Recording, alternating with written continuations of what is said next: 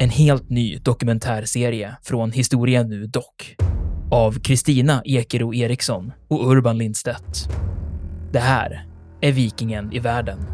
Vikingarna, de var inte något främmande folk. Sannolikt är det ett slags tempel, ett kulthus helt enkelt. Enligt legenden så är rykiderna skandinaver. Från skeppet och bränslet och slavinnan och hennes herre hade blivit till aska. Du hör dokumentären på historia.nu eller där poddar finns.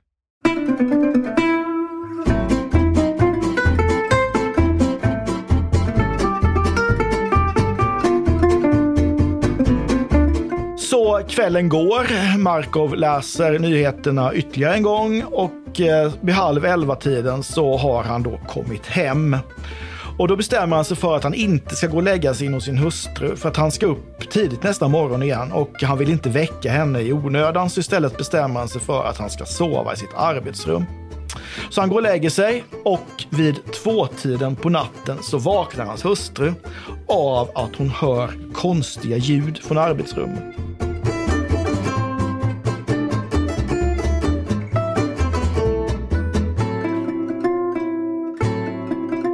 Podden En oväntad historia utgår från en liten händelse för att med glimten i ögat berätta den stora historien.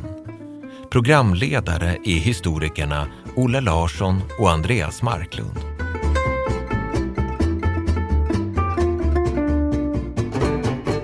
Hallå Andreas! Tjenare! Hur är läget? Det är alldeles utmärkt. Soligt, varmt, trevligt. Semestern toppen. nalkas.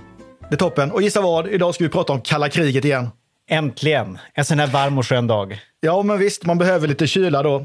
Och vi har ju under senaste året gjort flera poddavsnitt där vi på olika sätt har handlat om, eller behandlat kalla kriget. Vi har pratat om Abel Archer 1983, då det var nära att bli kärnvapenkrig. Vi har pratat om 1980-talets ubåtskränkningar och inte minst så har vi ständigt och återkommande talat om spioner och agenter av olika slag.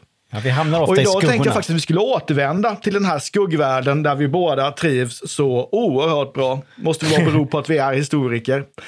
Eh, för här utspelades ju väldigt, väldigt mycket dramatik under hela den här perioden som vi känner som kalla kriget.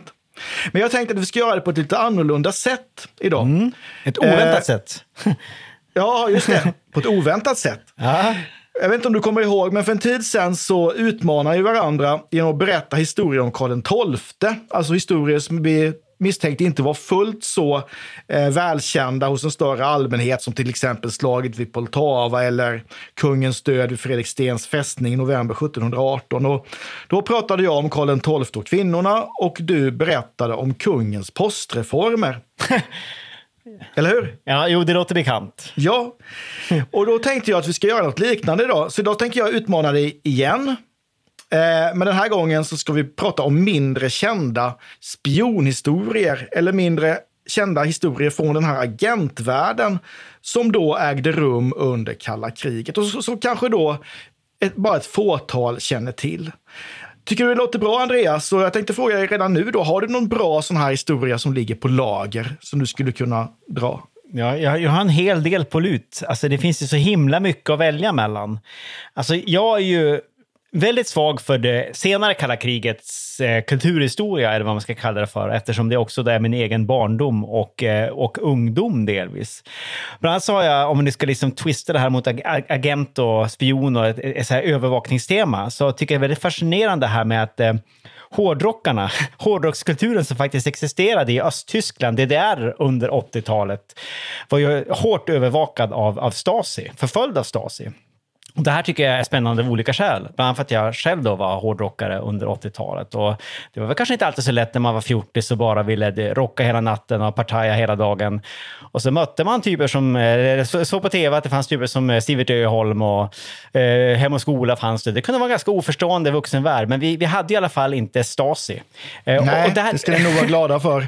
Precis, och det här är ett ämne som jag gärna skulle vilja grotta mig ner i. För att det liksom, det, de, de var verkligen förföljda av eh, hemliga säkerhetstjänsten eh, i Östtyskland. Men det låter ju som ett lysande framtidstema. Precis, det tar vi, det tar vi efter sommaren. Östtyska subkulturer. Ja, exakt. exakt. Och eh, relationen mellan dem och då, eh, säkerhetstjänsten.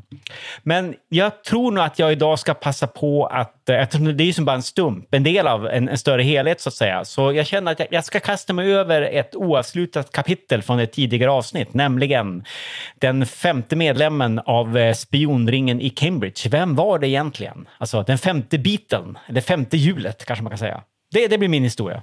Ja, då säger jag bara äntligen. Ah, Det är nog många med mig som känner så. Ja, det ska bli jättespännande. We aim to please. Men innan, vi, har ju, vi pratar ju om kalla kriget som att det här är någonting som alla vet, vet vad det här är för någonting. Men jag tänkte vi ska säga någonting om vad det här är för typ av konflikt egentligen. För att vi talar om det här ett, kallt krig, motsatsen till ett kallt krig är ett hett krig. Ett hett krig är ett krig eller en konflikt där det sker en direkt militär konfrontation mellan huvudmotståndarna. Men det blev ju aldrig någon direkt militär konfrontation mellan USA och Sovjetunionen under kalla kriget. Vi har proxykrig, ja, men aldrig något direkt hett krig mellan, mellan de båda supermakterna. Så Andreas, om jag skulle be dig kort alltså beskriva, vad var kalla kriget egentligen? Vad var det där handlade om? Hur utkämpades det? Ja, eh, ja men det var ju en väldigt speciell konflikt ju, som vi bägge två upplevt, men lite grann vid sidan av. Men det är ju nog ganska signifikativt, för vart gick fronten egentligen i den här konflikten? Jag tar mig friheten att citera George Orwell här. Alltså det var ju han som mig veterligen då myntade begreppet Cold War eh, i, i en artikel, alltså kalla kriget då, i en artikel 1945, eh, hösten 1945. Här, här beskrev han då begreppet kalla kriget som en fred som inte är fred. Och det tycker jag är ganska träffande. Det är lagom gåsfullt också eh, och väldigt vackert, men alltså det, det var ju det det handlade om. Alltså det var eh, väpnad, misstänksam, hatfylld fred mellan två supermakter som inte vågade gå till direkt militär konfrontation med varandra på grund av eh, atombomben och atombombshotet. Det är det George Orwell skriver, skriver om i sin artikel. Men alltså det, det, det är ju ett namn, vi kan väl då konstatera då, om ska kolla på det här lite mer sakligt, att det är, det är namnet på en supermaktskonflikt då, mellan två supermakter, USA och Sovjetunionen, som pågick då mellan 1945 och 1991. Alltså man kan ju diskutera de kronologiska avgränsningarna i, i all evighet, då, men Vanligtvis definieras kalla kriget som en konflikt som började vid slutet av andra världskriget och pågick fram till Sovjetunionens formella upplösning 1991. Just det, och det har ju mycket med, med det här med... Många tänker nog kalla kriget och kärnvapenkapprustningen som en väldigt viktig ingrediens. Och det är ju det som Orwell pratar om, som du säger, för den här artikeln som publicerades i The Tribune hette ju just You and the Atomic Bomb. Så det är ju det som är det centrala. Och, och han pratar ju om, om, om en värld som befinner sig om skuggan av ett kallt krig. Och det här, att det här kriget inte kan bli hett, det, eller inte bör bli hett egentligen på grund av kärnvapnens existens. Därför att ett framtida krig, med tanke på den otroliga förstörelsekraft som finns i kärnvapnen, skulle bli för farligt helt enkelt. Så kalla kriget på något sätt, eller kärnvapnens existens, som varandes lite grann krigsavhållande. Men det är ju flera personer som har fått eh, bära äran för att ha använt termen kalla kriget. Den som gör det här greppet känt, framförallt för en amerikansk publik, är ju en man som heter Bernard Baruch som i ett tal talar om att, eh, det här är ett tal från 1947 vill jag minnas. Han säger att eh, USA befinner sig in the midst of a cold war. Och då har det ju gått två år sedan eh, andra världskrigets slut. Och eh, det jag kommer ihåg när jag läste grundkurserna i historia, det var att man brukade säga att den som gör begreppet känt, framförallt i vetenskapliga kretsar, det är en journalist som heter Walter Lippmann som 1947, alltså samma år som Baruch håller det här talet, kommer ut med en bok som har just titeln The Cold War, alltså en konflikt där det inte är en direkt militär konfrontation. Det är fred, men ändå inte fred.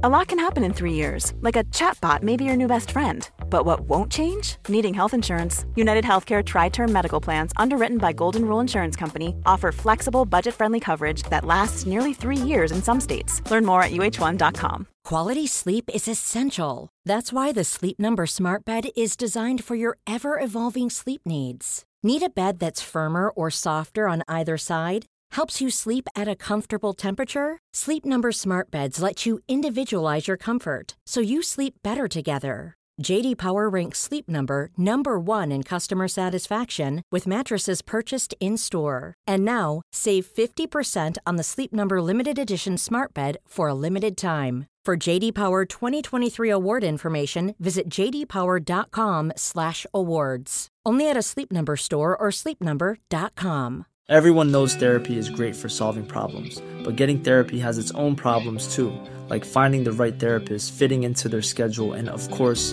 the cost.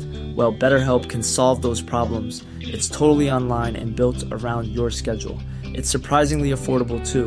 Connect with a credentialed therapist by phone, video, or online chat, all from the comfort of your home. Visit betterhelp.com to learn more and save 10% on your first month. That's BetterHelp, H E L P.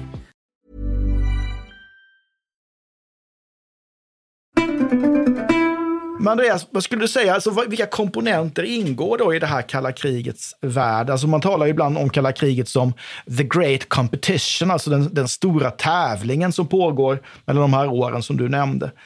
Vad var det tävlingen handlade om egentligen, eller vad är det man gör? Jag menar, alltså, det, det är ju ett krig som utkämpas i princip med alla andra medel än, än genom direkt militär konfrontation. Alltså, det handlar om ideologi, det handlar om propaganda, det handlar om ekonomiska åtgärder, det handlar om schack, det handlar om rymdkapplöpning, det handlar om byggande av allianser och inflytandesfärer, det handlar om idrott, teknik, vetenskap, som sagt kapprustning med med både vapen och rymdraketer och inte minst spioneri kontraspionage, hemlig statlig övervakning och sådana saker. Och det är väl då det sistnämnda här vi kommer att prata om idag, alltså det som handlar mer om spionage, kontraspionage och hemlig övervakning. Precis. Alltså där, vi ofta, där vi ofta hamnar. Och I den här soppan då som är kalla kriget ingår ju också ideologi och propaganda och allt det här. Men jag tror att det handlar väldigt mycket om kapprustning och det handlar om, om det framförallt agenter och spioneri. För de här agenterna befinner sig i en värld i någon slags limbo nästan, där det varken är krig eller varken är fred, där det inte är lika tydligt som det är för vanliga civila människor. Precis, men det är ju precis i den här väldigt, väldigt obskyra världen, det är ju där frontlinjen går. Det är det Ja. som är så bisarrt. Här går fronten. Det är här man förstår hur brutalt det kalla kriget faktiskt är, men det är närmast osynligt. Och det finns också på de mest oväntade platser kan man väl Ja. säga. För man tänker ofta kanske då det delade Berlin, Öst och Västberlin, där vi har liksom kalla krigets gräns mitt inne i en av europeisk, eh, europeisk huvudstad. Men jag tänker ta mig friheten att inleda den här, den här utmaningen genom att presentera en, eh, en agenthistoria för dig. Mm, skönt. Ja. Och min berättelse här, den handlar om hur en underrättelsetjänst använder sig av agenter för att likvidera avhoppare från det egna landet. Eh, eller kanske snarare då från det egna ideologiska maktblocket. Och i det här fallet så hette offret Georgi Markov. Bakom dådet låg eh, KGB. Platsen där det här dådet utförs är London och året är 1978. Så håll i hatten nu Andreas så, så kör vi. Skönt. Nu blir det John Le Carré. Nu blir det John Le Carré. Och tänk dig då att klockan är, den är halv sju på kvällen och det är den 7 september och eh, huvudpersonen här, Georgi Markov, är på väg från sitt jobb för att flytta sin bil. Han arbetar som nyhetsuppläsare på BBC och eh, han har som vanligt tagit bilen till jobbet. Det är en grön och vit eh, Simca.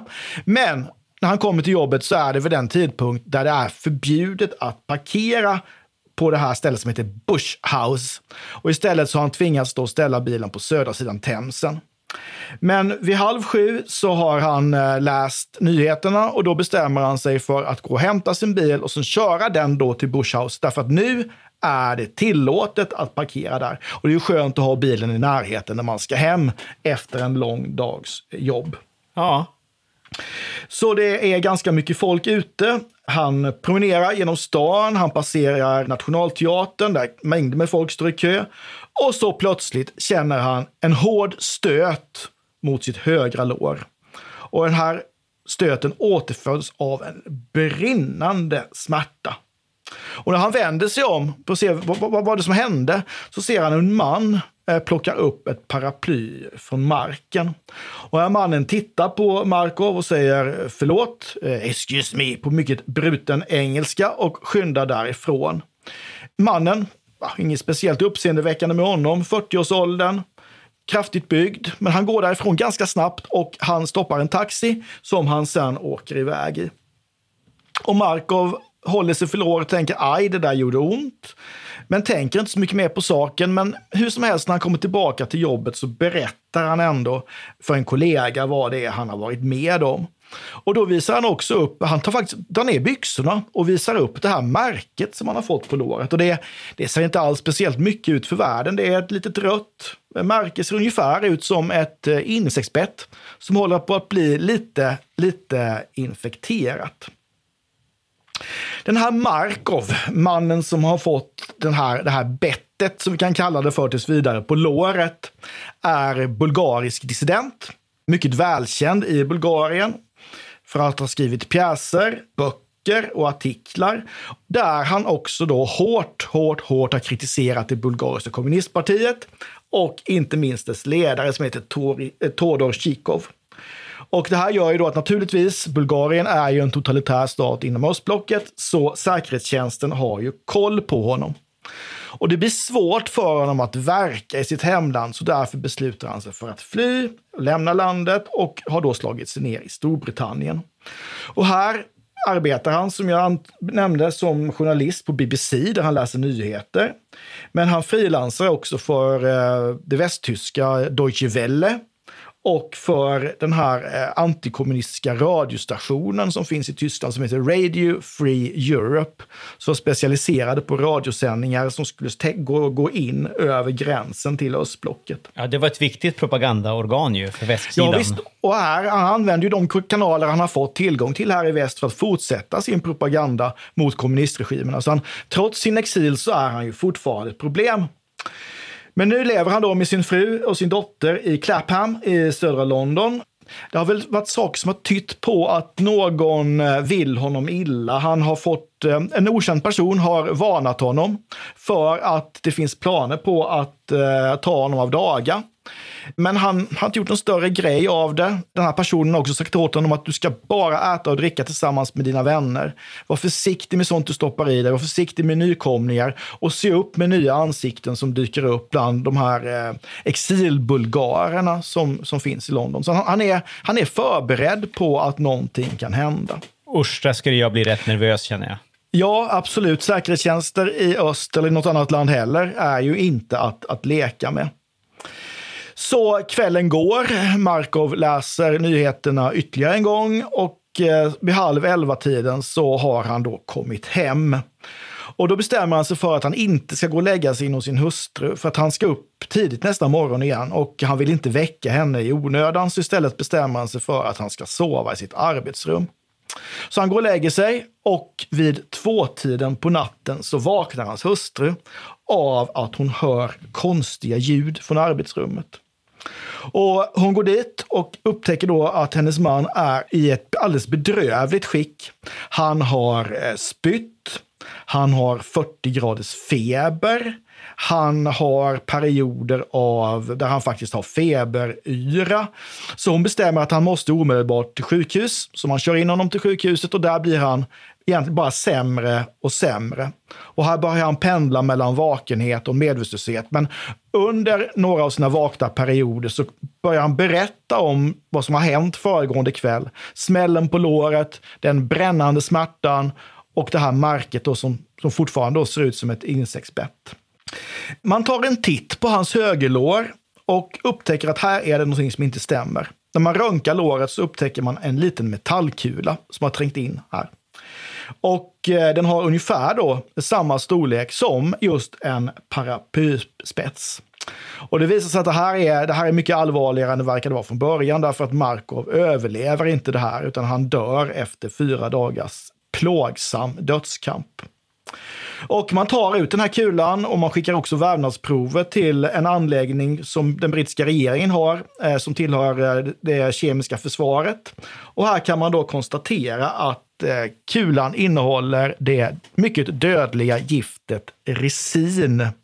Där det räcker med en mycket, mycket liten mängd för att döda en människa. Alltså, Markov hade mördats.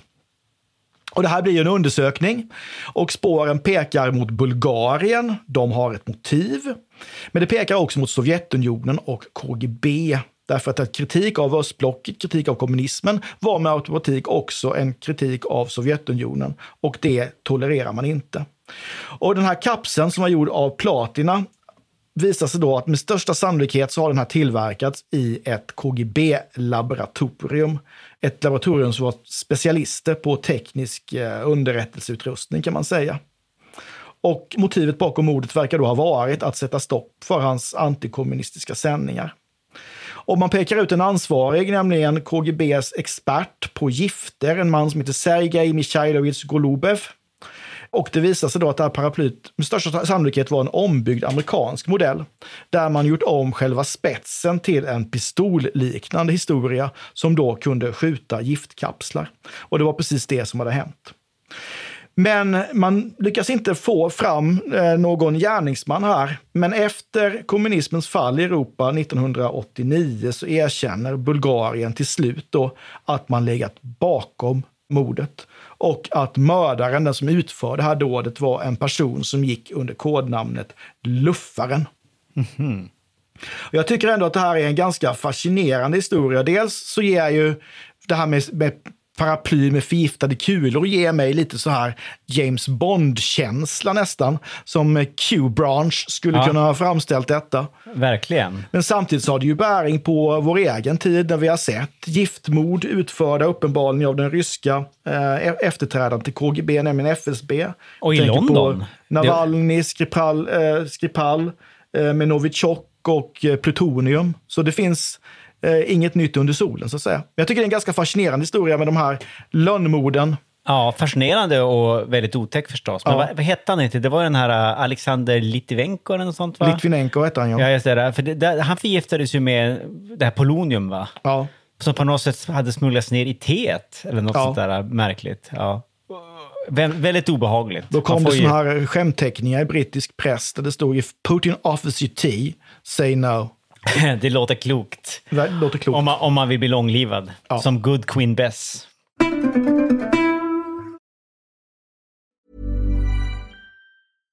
Hej, I'm Ryan Reynolds. At Mint Mobile, we like to do the opposite of what Big Wireless does. They charge you a lot, we charge you a little. So naturally, when they announced they'd be raising their prices due to inflation, we decided to deflate our prices due to not hating you.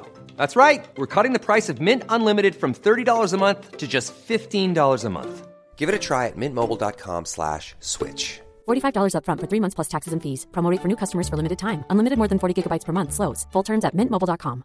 Quality sleep is essential. That's why the Sleep Number smart bed is designed for your ever-evolving sleep needs. Need a bed that's firmer or softer on either side? Helps you sleep at a comfortable temperature? Sleep Number smart beds let you individualize your comfort so you sleep better together. JD Power ranks Sleep Number number 1 in customer satisfaction with mattresses purchased in-store. And now, save 50% on the Sleep Number limited edition smart bed for a limited time. For JD Power 2023 award information, visit jdpower.com/awards. Only at a Sleep Number store or sleepnumber.com. A lot can happen in 3 years. Like a chatbot may be your new best friend. But what won't change? Needing health insurance. United Healthcare tri-term medical plans underwritten by Golden Rule Insurance Company offer flexible, budget-friendly coverage that lasts nearly 3 years in some states. Learn more at uh1.com.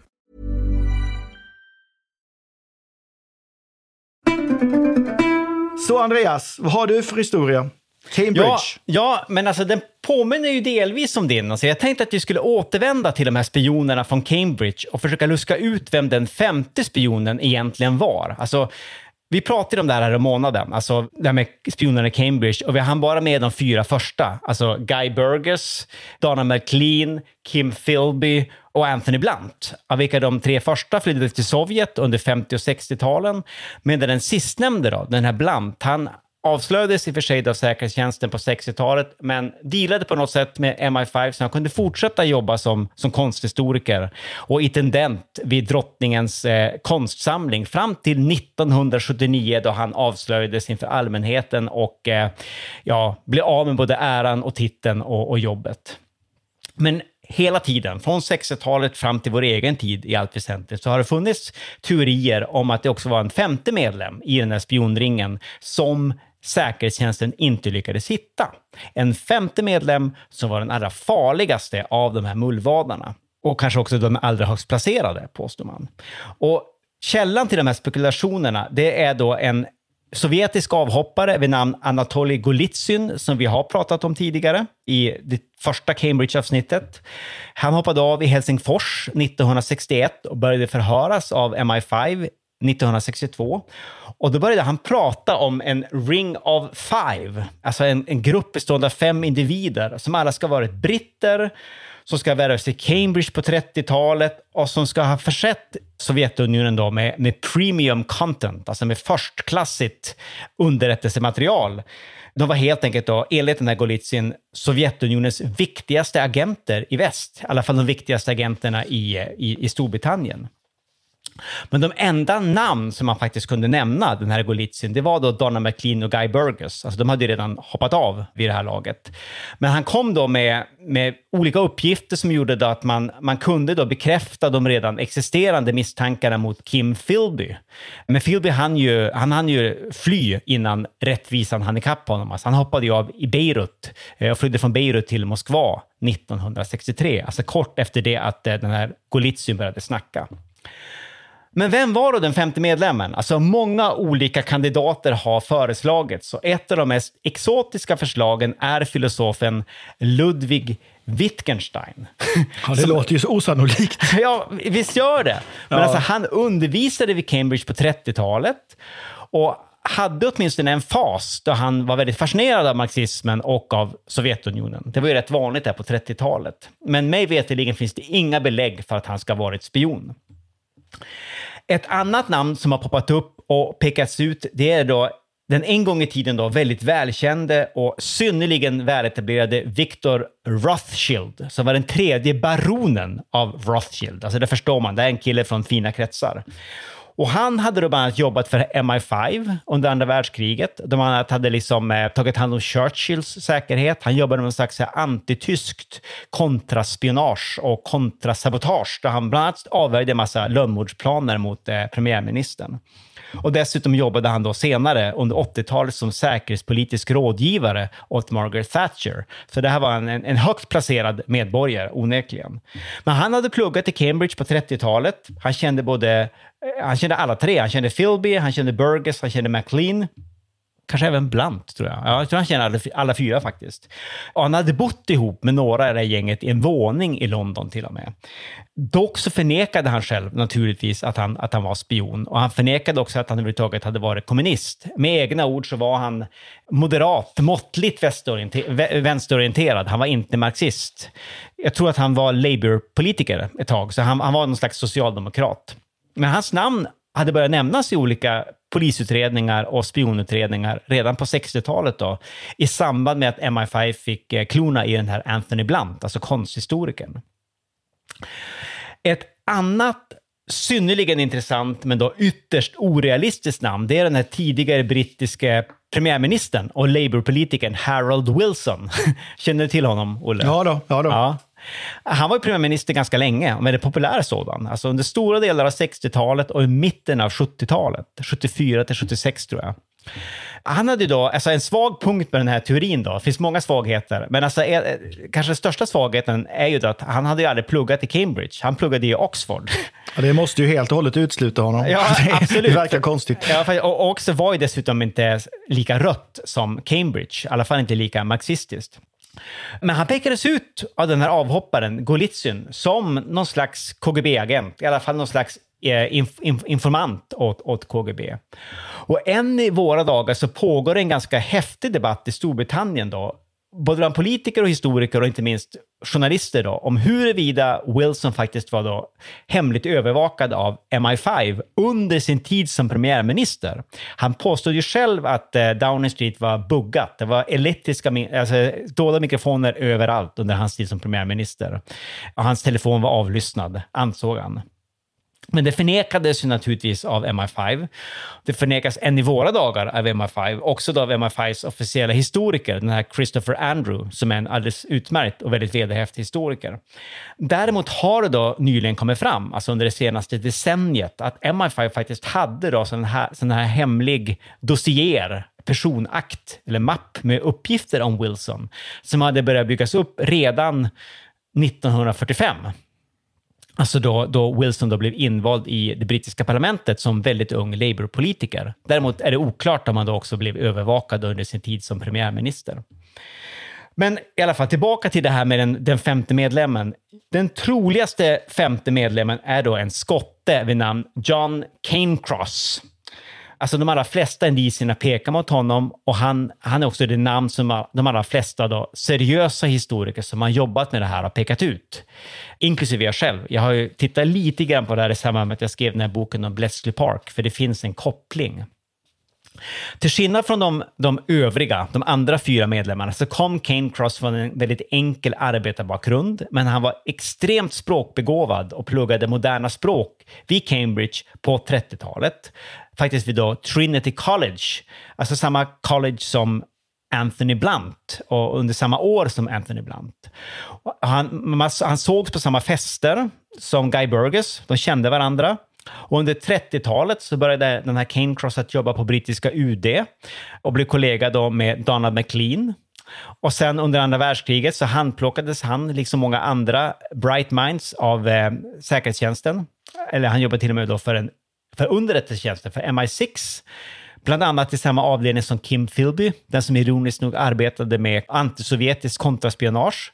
Och dessutom hamnade han då som översättare på Bletchley Park. Han var jättebra på tyska, han var inte kodknäckare, men han översatte då det, det dekrypterade innehållet till engelska. Och det är ett faktum då han bekräftar det här i sin egen självbiografi att han läckte uppgifter från Bletchley Park till Sovjetunionen. Det här är faktiskt mer än den här filmen Imitation Game, eh, som ju egentligen handlar om Alan Turing. Men här spelar John Cancross, eh, han är med i en ganska viktig biroll. Han spelas ju av den här eh, samma skådespelare som också är, chauffören i Downton Abbey. Jag kommer inte ihåg namnet, men alltså han, han, han är ganska synlig. Det är en relativt känd brittisk skådespelare. Han är med i en viktig biroll som, som sovjetisk spion.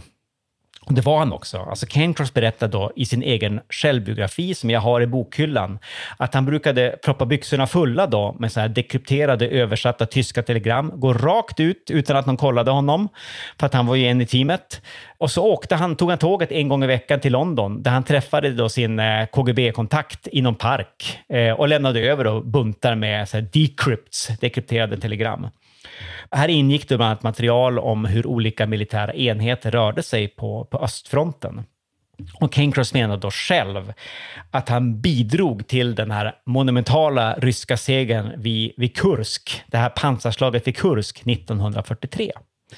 Och det här låter kanske inte så allvarligt egentligen då, eftersom eh, alltså väst och Sovjet, de var ju allierade mot Nazityskland under andra världskriget. Men det är väldigt mycket som tyder på att King Cross fortsatte att läcka statshemligheter till Sovjet även efter andra världskrigets slut, alltså under kalla kriget.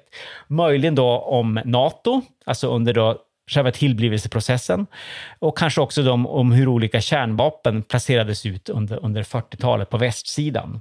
Han förhördes i alla fall då av eh, MI5 i samband med det här avhoppet. Alltså när, när Burgess och McLean stack där 1951 så hamnade han då i säkerhetstjänstens sökarljus i Spotlight på ett ofördelaktigt sätt. För man hittade visst då skriftligt material som det kunde kopplas till till Kane Cross i Guy Burgers lägenhet. Jag tror till och med att det var grejer som han själv hade skrivit, någon slags anteckningar. Och något som är väldigt intressant är att Kane Cross då efter 51 byter karriär. Alltså då lämnar han det man kallar för the civil service, alltså den brittiska statsförvaltningen och blir universitetslärare i USA. Alltså han började undervisa i fransk litteratur, ge ut frans- böcker om eh, Molière och ja, fransk kulturhistoria och så vidare. Han får en helt annan karriär. Så det är många som menar att han kanske då ingick någon slags avtal med säkerhetstjänsten där i början av 50-talet. Alltså han kanske berättade vad han visste om Blanteburgers och Philby och så vidare och Sovjet och lovade att han aldrig mer skulle befatta sig med brittiska statshemligheter mot att han fick fri lejd. För det är ett faktum då att det, att det aldrig väcktes åtal mot Kincross. Men det fortsatte, det började sippa ut uppgifter om honom i medierna mer och mer under 70 och inte minst 80 och 90-talen. Han blev ganska långlivad, han dog på 90-talet. Och läser man hans självbiografi är det ju väldigt tydligt att han, han hemsöktes av det här. Han plågades väldigt mycket av det här. Men alltså det kommer fram mer och mer om hans då smutsiga byk i, i medierna. Bland annat så nämndes han då av den här Oleg Gordievskij han då från, som vi också pratat om, från Förrädare och en spion och Ben McIntyre. Han, han började skriva böcker om KGBs historia när han kom till England. Och, och eh, Gordievsky nämner Kingcross som den femte delen av det Gordievsky kallar för The Magnificent Five. Det är ett fint, Det är fin titel. Ja, faktiskt. Ja. Det låter som ett seriemagasin från ens egen barndom. Ja, fantastiska, Fantastiska fyra, ja, precis. precis. precis. Ja. Mr Fantastic och, och så vidare. Helt klart, helt klart. Ja, men det var min, eh, det var min historia, i, min del av denna utmaning. Nej, men jättespännande. Ska vi säga nu att vi har löst då mysteriet med den femte medlemmen i Cambridge-ringen? Det tror jag.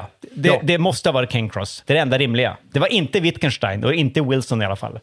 Eh, Wittgenstein känns för mig väldigt eh, eh, otrolig. Ja, Och, även Wilson. Ja, och Rothschild är på något sätt lite för oepiskt.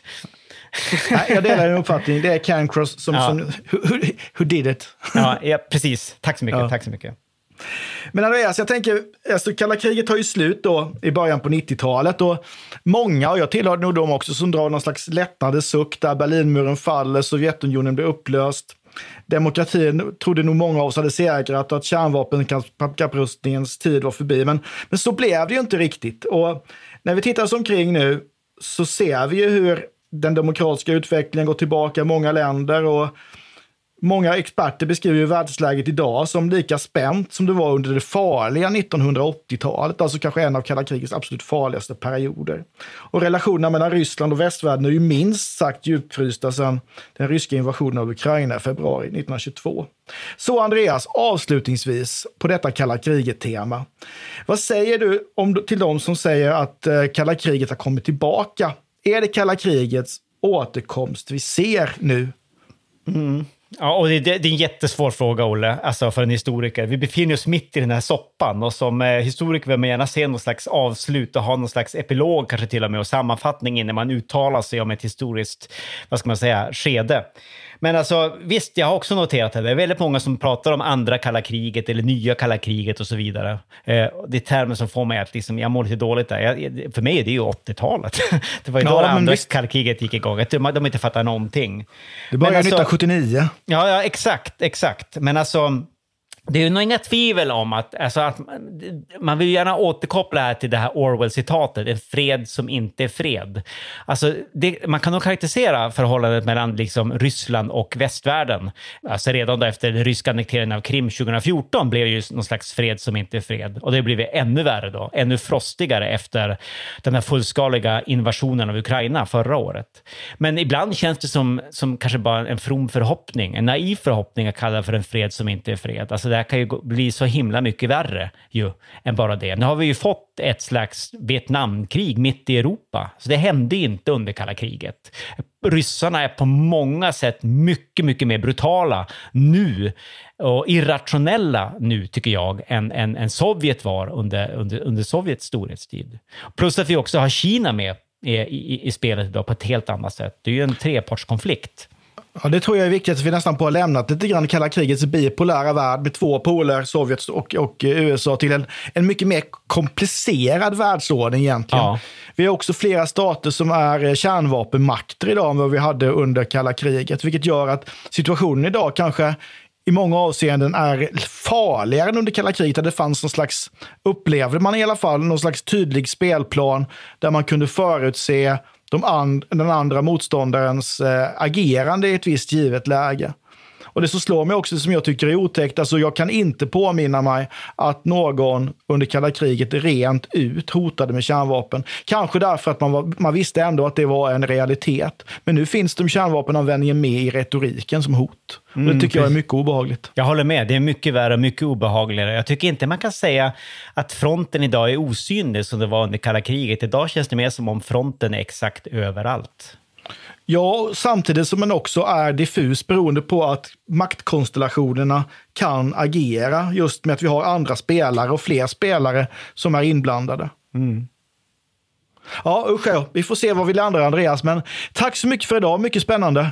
Tack ska du ha. Det här var kul. Ja, mycket. Trevlig sommar. Vi ja, ses. Detsamma. Hej! Adjö. Hej! Vi tackar programledarna Olle Larsson och Andreas Marklund. Kontakta gärna Olle och Andreas på ovantad@historia.nu. Vi läser allt, men hinner kanske inte alltid svara.